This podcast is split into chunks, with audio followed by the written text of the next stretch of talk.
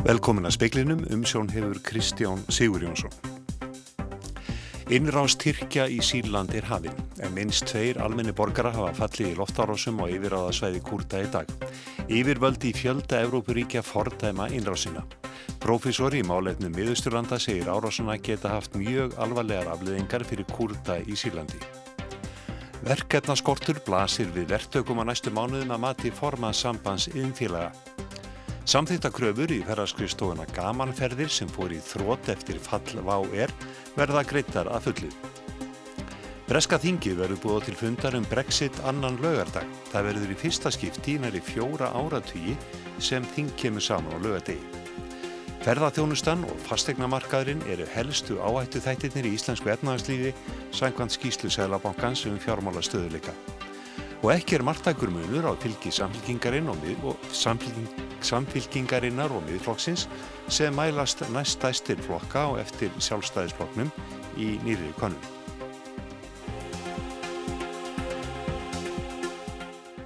Minst tveir almennir borgarar hafa fallið í loftárásum Tyrkja á yfiráðasvæði Kurta við landamæri Tyrklands og Sílands.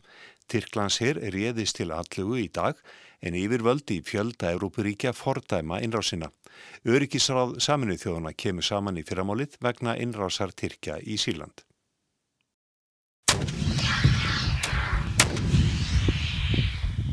Tyrkir hói í dag innrás á yfiráðasvæði Kurta í norðaustur hluta Sýrlands.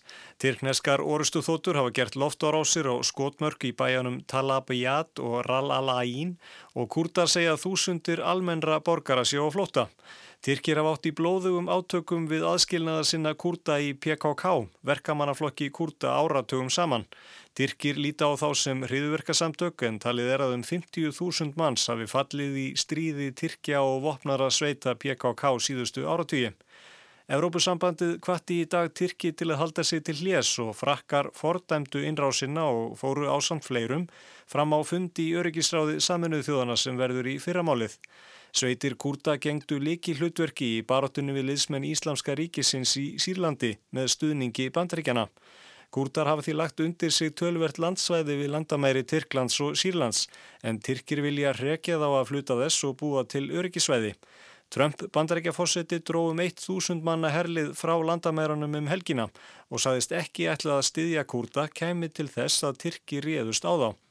Í yfirlýsingu frá kvítahúsinu nú síðdeis er innrásinn kölluð slæm hugmynd sem vekur nokkra fyrðu því flestir tólkuðu brottkvarf bandarækja hess sem grænt ljós til Tyrkja að ráðast gegn kurtum. Magnús Þorkjell Bernhardsson, professor í sögu miðausturlanda við Williams háskóla í bandaríkjanum, segist óttast að innrásinn hafi alvarlegar afleggingar. Þetta gæti leitt til þess að það getur einskona þjóðar eins og náttist að gagvart sílensku kurta sem eru þarna búa Við veitum ekki alveg hversu öfluga varnir þeir hafa til þess að standa gegn þessari árás frá Tyrkjum. Það sem er kannski eina sem við veitum fyrir vísta er að sakleysir borgarar eh, og bara vennilega borgar í, í Sýrlandi bæð hvort sem um er að Araba eða Kurta komið til með að vera fornalömp en frekar á næstu vikum og mánuðum eða allt. Begna þess að allt bendi til þess að þessi átök sem hafi verið hörð menn harni en frekar. Það var Bjarni Pétur Jónsson sem tók þennan pistil saman nána verður rætt við Magnús Þorkel síðar í speiklinum. Ný útlán til fyrirtækja dróðu saman um 52% á fyrstu átta mánuðum ársins eða um 90 miljardar krónamilli ára. Þetta kemur fram í nýjustu hagtölum Sæðlabankans. Hilmar, Hilmar Harðarsson, formaður samiðnar, hefur áhyggjur af verkefnaskorti og uppsögnum með vorinu. Ríki og sveitafélög þurfum við að fara í auknafrangandir til að koma í vekk fyrir frekari nýðisvöflu. Samdráttur í sjölu sements og steipustyrtar í árts mælist um 20-30% milli ára, sangkvæmt samtökum í næðurins. Við höfum verulega áhyggjur af þeirri verkefnastöðu sem verður núna með vorinu og við viljum bara sjá að það verði sett í gang þau verkefni sem væri hægt að setja í gang með ríki og sveitafélaga vegna þess að við annars gæti komið til uppsagnar okkar hjá okkar félagsmönnum. Og við höfum áhyggjur af því að ef að það verði ekkit gert í að þessi dýfa verði þá dýpir hún þarf að vera. Og svo hefum við líka áhyggjur af því að við sjáum til dæmis ekki vakstarlæknar að skila sér til fyrirtækja þannig að þau geti fjármagnar sér á hegstaðri hátt og Þannig að við, við höfum bara áhyggjur að því og viljum koma aftur að, hjólum aðtunlýsins í gang. Þetta var Hilmar Harðarsson. Farþegar sem gerðu kröfur í ferðarskristóna gamanferðir eftir að hún laði upp laupana fá kröfur sínar greitar að fullu. Þetta er þó á þó aðeins við um þær kröfur sem ferðamálastofa samþykti. 940 af 1044 kröfum voru samþyktar þar af 36 að hluta, segir í tilkynningu ferðamálastofu. Heildarfjárhæðin, 190 miljónir króna, verður greita á næstu dögum. Tryggingafíð gamanferða nægir fyrir kröfunum. Vá er átti 49% í gamanferðum og stuttu eftir gjaldrótt Vá hættu gamanferðir rekstri. Rekstarastöðunin hafði áhrif á ferða áallanir 3000 manns. Og meira af flugi og ferðamálum en undibúningur nýja Váf flugfélagsins er á réttir leið en á sömum póstum verið, hafi verið ástæð til að staldra við. Þetta segir Gunnar Steinn Pálsson, upplýsingafulltrúi Vá hér á landi. Þess vegna sé ekki allt á réttum hraða í undibúnisferlinu. Í morgun fréttum var sagt frá því að áætlanarflugum Váf hæfist ekki fyrir nýtt desember. Þetta var haft eftir Mísjál Ballerín á bandarískum vefmiðli. Félag Ballerín keifti vörumerki Vá og fleira af þrótabúið þess og þá var stemtað fyrsta flugi í oktober. Gunnar Steitt segir í skriflegu svari til fréttastofi í dag að hann vilji ekki tjá sig um stöðuna núna að öru leiti en því að Vá fari í loftið í anda þeirra fyrirheita sem gefin hafi verið.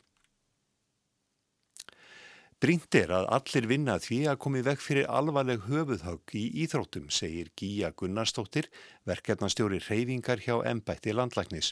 Embættið kvetu til þess að slísa skráning verði bætt.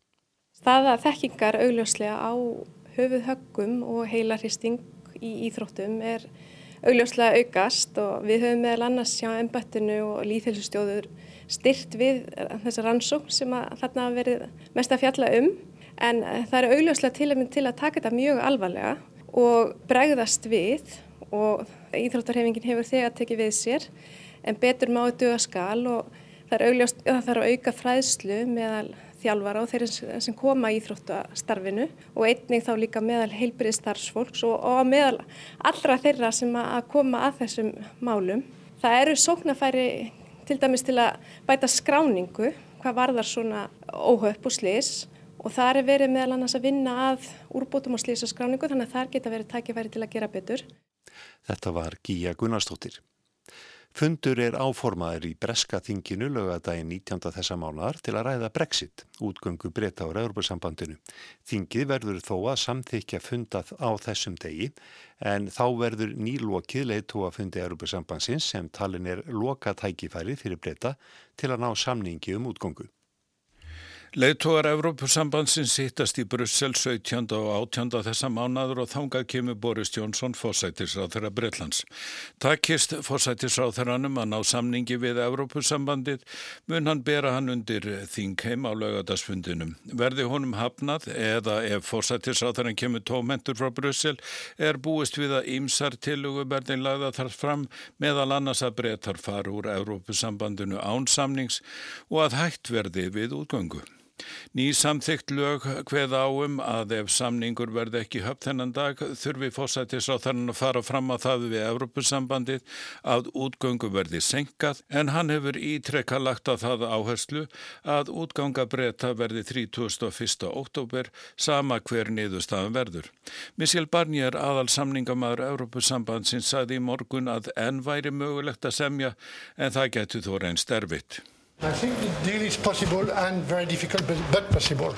Ef fundur verður á breska þinginu 19. verður hann inn fyrsti sem haldin er á laugadegi síðan 3. april 1982 þegar stríðið um Falklandsegjar var nýhafið. Það hafði þá einungi skerst þrísvar áður en þingfundur eru gerðna frá mánudegi til fymtudags og stundum á föstu dögum ef mikið likur við. Kristján Róbert Kristjánsson saði frá. Sjálfstæðisflokkurinn mælis með tæpra 20% fylgi og er stæsti flokkur landsins sangvæmt nýri í skoðanakönnun MMR. Miðflokkurinn mælis með tæplega 15% fylgi og samfylgin Fylgin er umlega 14% fylgi. Munurinn á fylgi miðflokksins og samfylkingarinnar er innan skekkjumarka. Þrýr flokkar mælas með það svipa fylgi að ekki er margtækur munur á þeim. Við reist mælis með 11%, vinstir græn og fransnaflokkur með rúm 10%. Píratar mælas með tæplega 9% fylgi. Ekki er margtækur munur á fylgi Pírata og framsóknarflokksins. Flokkur fólksins bætir við sér fylgi frá síðustu skoðanakönnun og mælis nú með 5,6%. Sósélistaflokkur Íslands mælis með 3,1%. Önnu frambóð fengju samtals um 2,4% aðkæða.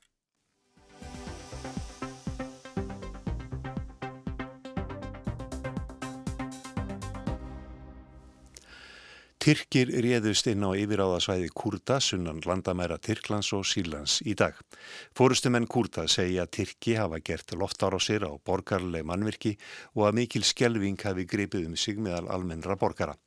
Mannfall hafi orðið og þúsundir hafi þurft að flýja heimkynni sín.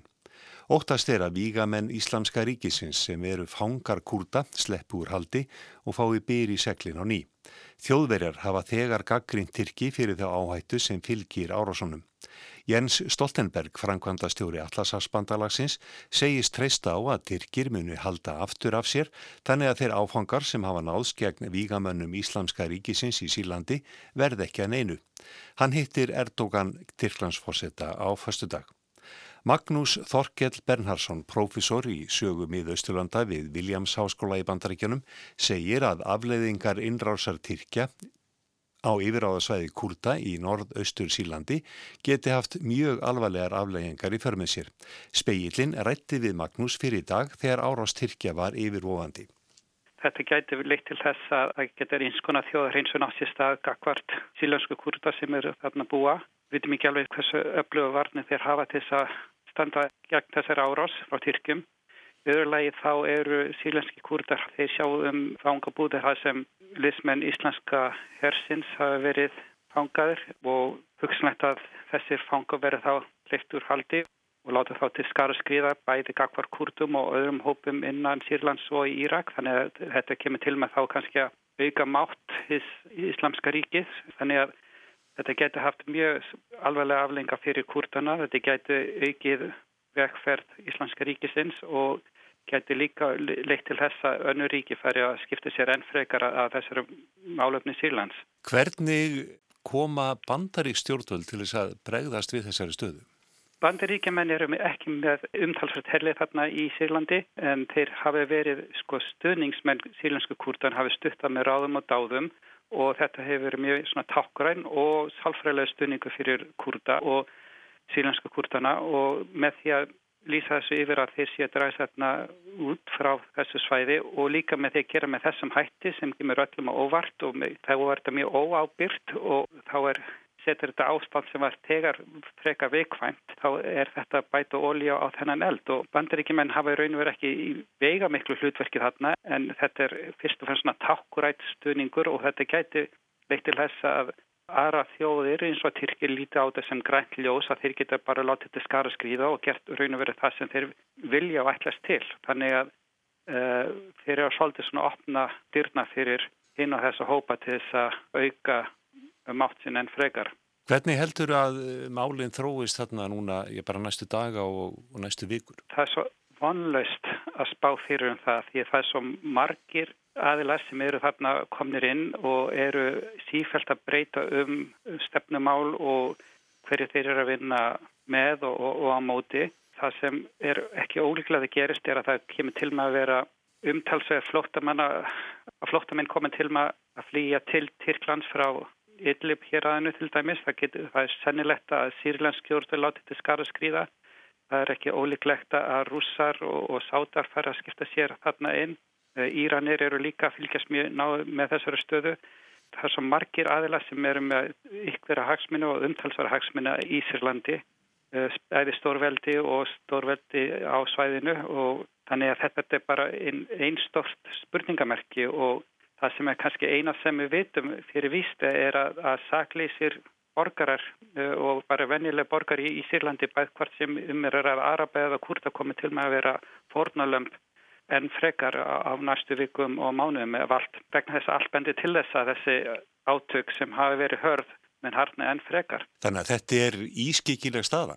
Eins og þetta er núna já, þá er þetta svolítið já, ókvænleg staða og sérstaklega fyrir sýrilansku kurdana og bara almennt fyrir þetta valda jafnbæði sem er þarna á þessu svæði þannig að það þarf að fylgjast mjög vel með atbyrjum á næstu dögum til að sjá hvort þetta verður enn alvarlegri heldur en hefur verið. Þetta var Magnús Þorkell Bennarsson.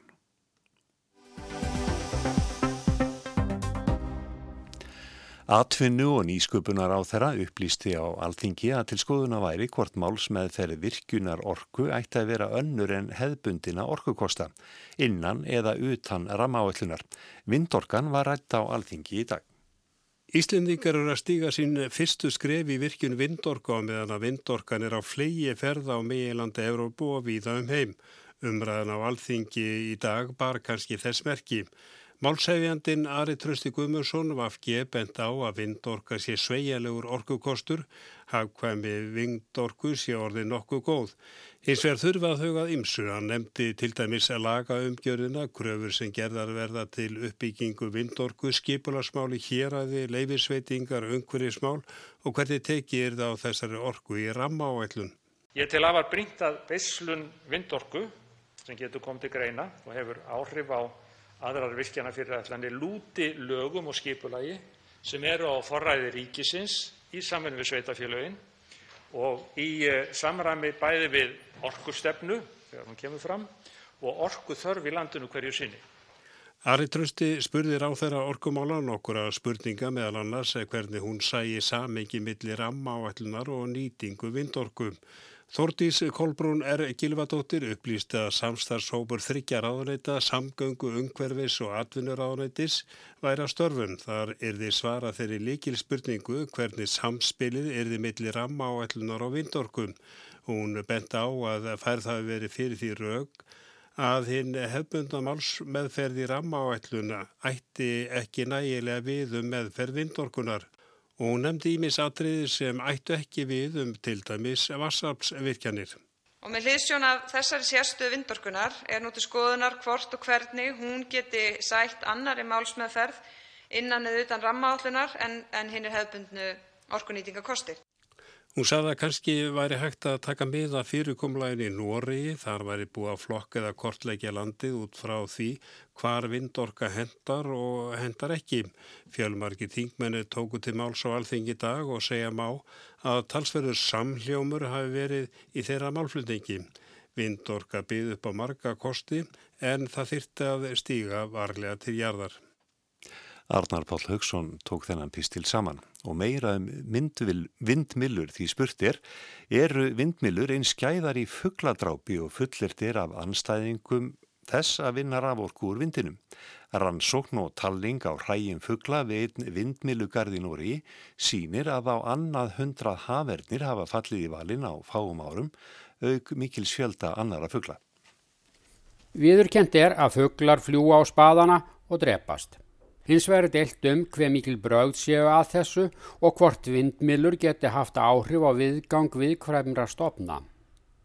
Þar hafa minn engum áhyggjur á verðninum. Anstaða við vindmilurnar verður stöðugt meira áberandi eftir því sem fleiri vindorku verð koma á tekniborðið og fleiri vindmilur rýsa og ber við heiminn. Hér í Nóri eru miklar áallanir upp um ný vindorku verð við ströndina og á fjöllum en það engin skortur á vindi. Hér líka eitt vindorkuver sem staði hefur í 13 ár og samanstendur núna af 48 vindmjölum. Það er á einu smöla úti fyrir strönd Mæris við norðvestur Noreg. Það er afar vindasamt en um leið er það ríki hafarnar og kongaarnar. Grunurum að margir ernir færust í áreikstrum við vindmilötnar leiti til þess að lagt var í rannsókn á málinu og talningu og döðum fuglum við milutnar þessi 13 ár. Það er norska náttúrurannsóknaráðið, sjálfstæði stofnun, sem staðiðu fyrir talningunni og nýður staðni sláandi. Á annað hundrað hafernir líki í valnum, þrýr kongaernir og auk þess mikill fjöldi að minnifuglum, sérstaklega rjúpu. Þá enda svanir, gæsur og krákur daga sína á millunum í stórum stíl. Og tölurnar miða aðeins við þau hræ sem hafa fundist og bera þess merki hafi verið slegin í hel í bókstafleiri merkingu. Þetta eru ekki lokatölur. Lengi vel hafa þessar tölur og niðurstöður ekki farið hátt. Þeir hafa borist manna á meðal á samfélagsmiðlum og þóttu ótrúlegar, jafnvel bara falsfréttir. En svo var áðust í að rekja þetta til uppruna síns núni í haust og þá var upplýst hvernig unnið var að talningunni. Gengið var á milli vindmilana einu sinni mánuði og ræjum sapnað og þau sett í fristu og ástand þeirra kín og aldur metið. Niðurstaðan var hins vegar ekki tilbúin til ofinberrar kynninga núna og talning heldur áfram. Þetta er miklu verra en menn heldu og þó aðeins tölur frá einni eigi með 48 vindmilum. Vindmilum við ströndina og á háfjöllum áttur að fjölga mikið ef allar áallanir ganga eftir. Þegar þessa fyrstu vindmilu voru settar upp árið 2006 var því spáð að örnin myndi breyta flugleiðum sínum í samræmi við nýtilkomna hættu. Svo hefur ekki reynst. Örnin flýgur ekki bara fuglahæst, heldur líka alltaf sömu leiðina, kynnslóð eftir kynnslóð. Þetta er þekkt meðal vildra dýra, sérstaklega þeirra sem eiga sér engan náttúrulegan óvinn. Í apríl í vor voru rægin 96 og nú síðsumas er talan komin yfir hundrað. Þetta er sérstakt áhugjefni því örnin er alfríðuð og var á tímabili talin í útrýmingar hættu. Fyrir hálru öld voru aðeins 400 fugglar eftir, síðan hefur stopnin braggast verulega og núna er talið að ernir í Norge sí um 2000. Stopnin er því ekki í hættu. Þá er á það bent að hættan fyrir fugglinn takmarkist við 5 km radíus út frá hverri vindmilu. Skaðin er því staðbundin. En rannsakandur hafa veitt í aðtegli að alltaf þegar reyður stæði losnar og ábúð nærri vindmilunum koma nýjir fugglar og nálagum eigum og setjast þar að. Þeir lenda svo í hakkavélni eins og fyrri ábúendur. Næsta skref í máluninu núna er að koma niðurstöðun til stjórnvalda og bæta þessum andmælum við fyrri andmæli um hávaðamengun, sjónumengun og eigðilegging á landi þegar sprengt er fyrir nýjum vindorkuverum. Gísli Kristjánsson í Óslo saði frá. Þegar kemur að hagkerfinu eru litlar fréttir oftast góða fréttir og þannig er þá Íslandi um þessar myndir. Áhættan í hagkerfinu hefur aukist en aðeins lítilega og áföll eins og fall flugfélagsins vá hafa haft minni áhrif en búasmátti við. Þetta kom fram í morgun þegar skísla Sælabankans um fjármálastöðuleika var kynnt. Sigrun Davísdóttir rætti við Eggert Þórarinsson hjá fjármálastöðuleika sviðið Sælabankans í dag meðal annars um helstu áhættu þættina í íslensku efnagaslífi. Við teljum nú almennt sko að viðnámsdrátturinn í fjármálakerfinu sé mjög góður og, og áhættan sé vel innan hófleira marka enn sem komið er. En við tiltökum hann í rítinu sem við gáum út í morgun þrjá helstu áhættu þætti við nefnum hann stöðun í ferðarþjónustunni og síðan stöðun á markaði með bæði íbúðar og atvinnuhúsnæði. Nú er náttúrulega orðið sviftingar í ferðarþjónustunni, heilt flugfélag horfiðamarkaði. Hvaða áhrif hefur það haft? Já, það má náttúrulega segja samt að ferðarþjónustunum hafi þrátt fyrir þessi áföll unnið svona hálgjara á varnasigur og teljum að svo áhætta sem byggðist upp í greinu og liðnum árum með gríðalögum vexti, hún hafi nú ekki að öllu leiti komið fram ennþá því að við sjáum að þrátt fyrir ja, mun minna sæti frambóð til landsins og mun færri ellenda ferðarmenn sem koma til landsins þá er þessi samdráttur ekki endilega byrtast í fjölda gistináta eða í veldu ellendra korta hér á landi. Þannig að enn sem komið er, er samdrátturinn í ferðarþjónustunum takmarkað við svona minni aðila sem hafa kannski orðið já, half hotreika í, í vextinum á síðust árum. Nú hefur uh, ljóslega ferðarmennu fækkað en þeir sem koma hingað þeir eða eh, meira náður eða hvað? Já, það bendir margt til þess. Það bendir bæði til þess að, að þeir sem komi sér eða meira og að dvalatíminn sé að einhverju leita lengjast sem skýri meiri eðslu að þeir dvelja lengur á landinu. En það er líka samspinn millir ferðarþjónustannar og fastegnumarkaðarins, ekki sett? Jú, einhverju leita er samspil og það hefur verið talsett samspil á síðustu árum af því að það hefur verið nokkuð vinsælt í einhverjum miðsvæðis og höfbruksvæðinu að leia út íbúrhúsnæði í skamtíma útlegu. Það hefur dreyið saman útlegan en hún er náttúrulega ennþá talsverð en, en það er jú samspil á milli ferðarþjónustunum og íbúrhúsnæðismarkarins og reyndir atvinnúsnæðismarkarins líka. Ferðar með kaupa hér heilmikla þjónustu, veitingastöðir og hótel og gisturím og fleira. Þannig að þetta er allt saman átengt í raun. Nú er verið að byggja hérna fylgt á hótelum, Þær byggingar framkvæmdir voru ljóslega skipulaðar þegar að aukningin var uh, fullu blúsi. Uh, nú fækkar, uh, verður alltaf mikið af hótelrými til dæmis hér á höfuborgarsvæðinu? Það er nú eitt af þeim atriðum sem við verum við í skýslinu það virðist vera mikið af gistirýmum að koma inn á markaði, nýjum gistirýmum að koma inn á markaðin á næstu þreymur árum, alltaf fjórumsfjölkun hérna miðsvæðis á höfbruksvæðinu. En á móti kemur að við erum að sjá ákveðin staðkvæmdar áhrif þar sem ferðamenn virðast í auknu mæli velja hótel og gistiheimili í stað þess kannski að fara í skamtíma útlega og íbúðu með eitthvað slíkt. Það þarf ekki að vera að verði oframbóð en, en þetta þarf að spilast nokkuð vel svo þetta gangi fullkomlega eftir þeirra áallan sem menn settu upp hér fyrir einhverjum árum. Nú er náttúrulega ljóst að bankarnir hafa lánað uh, í þessar hótelframkvæmdir. Hvað segir það þá okkur um stöðu bankana ef að það er oframbóð allt og mikið hótelum, uh, lenda þessi hótel þá ekki einhverjum uh, vanda og hvaða áhrif hefur það þá á stöðu bankana? Hóteluppbyggingin á höfbruksvæðinu, hún er nú held ég fjármögnu á nokkum breyðum grunni. Við erum bæðið að sjá að þeir hafa gefið, eh, hótelbyggindur hafa gefið út markaskuldabref, þeir eru fjár, eh, fjármagnandi gegnum sjóði og jú, vissulega einhverju leiti gegnum bankana.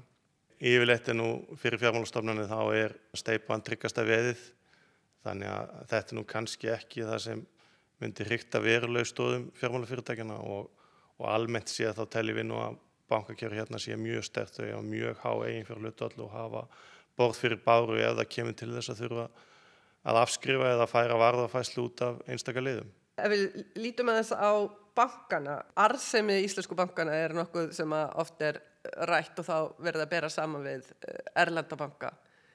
Hver er arðsemi Íslensku bankana í samanbyrðu við Erlendabanka? Það veldur aðeins á hvað arðsemi út að tala um. Við erum að sjá arðsemi á heldaregnum hjá Íslensku bankunum. Hún er mjög sambarlega, er reynda bara mjög góð í eurósku samanbyrði. En á móti kemur arðsemin á eigin fyrir kannski já, aðeins fyrir neðan með alltal. Það skýrist að stórileita því að Íslensku bankanir eru mjög vel fjármagnar, þeir eru með há eigin fjárhlutvöll og hafa gott svýrum til að bregðast við aðstæðum. Það er ekki alveg sama staðan út í Európu. Þannig að einhverju leiti skýrist lág arsemi á eigin fjár hjá Íslensku bankunum af því hversu vel fjármagnar þeir eru.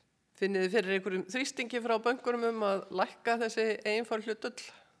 Enn sem komið er eigin fjárhlutvöllin á könnu fjármála eftirlitsins að mestu leiti en, en kannski eftir áramót þegar við erum búið samin á stofnununa þá minnum við finna fyrir því. Taland um banka, uh, viðskiptavinnir bankana uh, hvarta gætnan yfir háum vöxtum og, og hátt vakstasti og Íslandi hefur verið til umræðu. Skila vakstalækkanir sér nóg rætt út til viðskiptavina? Já, við erum að sjá sko að lækkanir á meginvöxtu og sælabankas hafa skila sér mjög fljótt út í markasvexti. Bankanir hafa líka lækka sína vexti en það verður að hafa í huga að svýrum bankana til vakstalækana er einhverju leiti takmarkað. Ef þeir munu lækka vakstaminni sem verulega þá mun það koma niður á arseminni. Fjármagnum bankan í krónum, hún hefur fram að þessu alveg frá fjármáláfallinu 2008 að veri mestu bundi við innlán. Þannig að ef bankanir er að skila vakstalækunni beint út í útlán þá mun það koma fram í læri innlánsvöxtum og þar er leiðandi læri ávöxtun fjármásegenda bankanir hafa fram að þessu farið svona bilbeggja þegar hafa skila vakstarleikuna einhverju leiti og okkur sínist nú að vakstarleikuna sé að miðlast þokkarlega út í útlánavexti en það er misjant eftir lánaflokkum kannski betur í betur veðtrið útlán eins og húsnæðislán og kannski minna út í neyslulán eins og yfirdrátt. Óbundin innlán, þau eru fann að nálgast bara 0% vexti og við erum að reynda að sjá út í Evrópu, Credit Suisse, Dönsku bankanir einhverju leiti, þeir eru fann að vera með neikvæða vexti á staðstu innlánseigandur einstaklinga. Þeir hafa náttúrulega verið með fyrirtæki mjög lengi. Við erum ekki komin undir þetta hérna heima. Almenningur er ekki tilbúin í þetta, að það kosti að geima fjármunni. Þannig að ég held að vaksta gólfi á innlánu sé 0% og bankandi nálgast það mjög hrætt, sérstaklega óbundi við nánu. Sko. Þannig að við höfum ekki eftir að sjá neikvæða vexti hér eins og, eins og viða Erlendist, Danmörku og viðar. Á innlánum hugsa ég að vera einhver byggða því enn sem komið er. Ef það vera neikvæða vextur innlánum þá sýnir það að hagkerfið sé að hæja á sér eða á leðinni samdrátt og við meðum ekki glema því sko þá að fólk hafi almennt séð á móti vöxtum þá sína vextir almennt í hagkerfinu og hagkerfinu gengur þokkarlega atvinnustöðu hátt og svo framvegs neikvæði vexti sína lækandi atvinnustöðu, samdrátt minnir ástönduntökjur heimilunum og svo framvegs þannig að almennt séð ætti það að koma heimilum og fyrirtækjum vel á axtastíði sí allavega yfir nulli Þetta var ekkert Þótt Þórarinsson, Sigrun Davíðsdóttir rætti við hann. Og það var allra helst í speklinum að innrást Tyrkja í Sýrland er hafinn yfirvöldi fjölda Európaríkja fordæma innrásina. Fjallaverur ítalega um þetta mál í sjómanfréttum klukkan 7. Það er ekki fleira í spekli kvöldsins. Markus Hjaltarsson sendi út veriði sæl.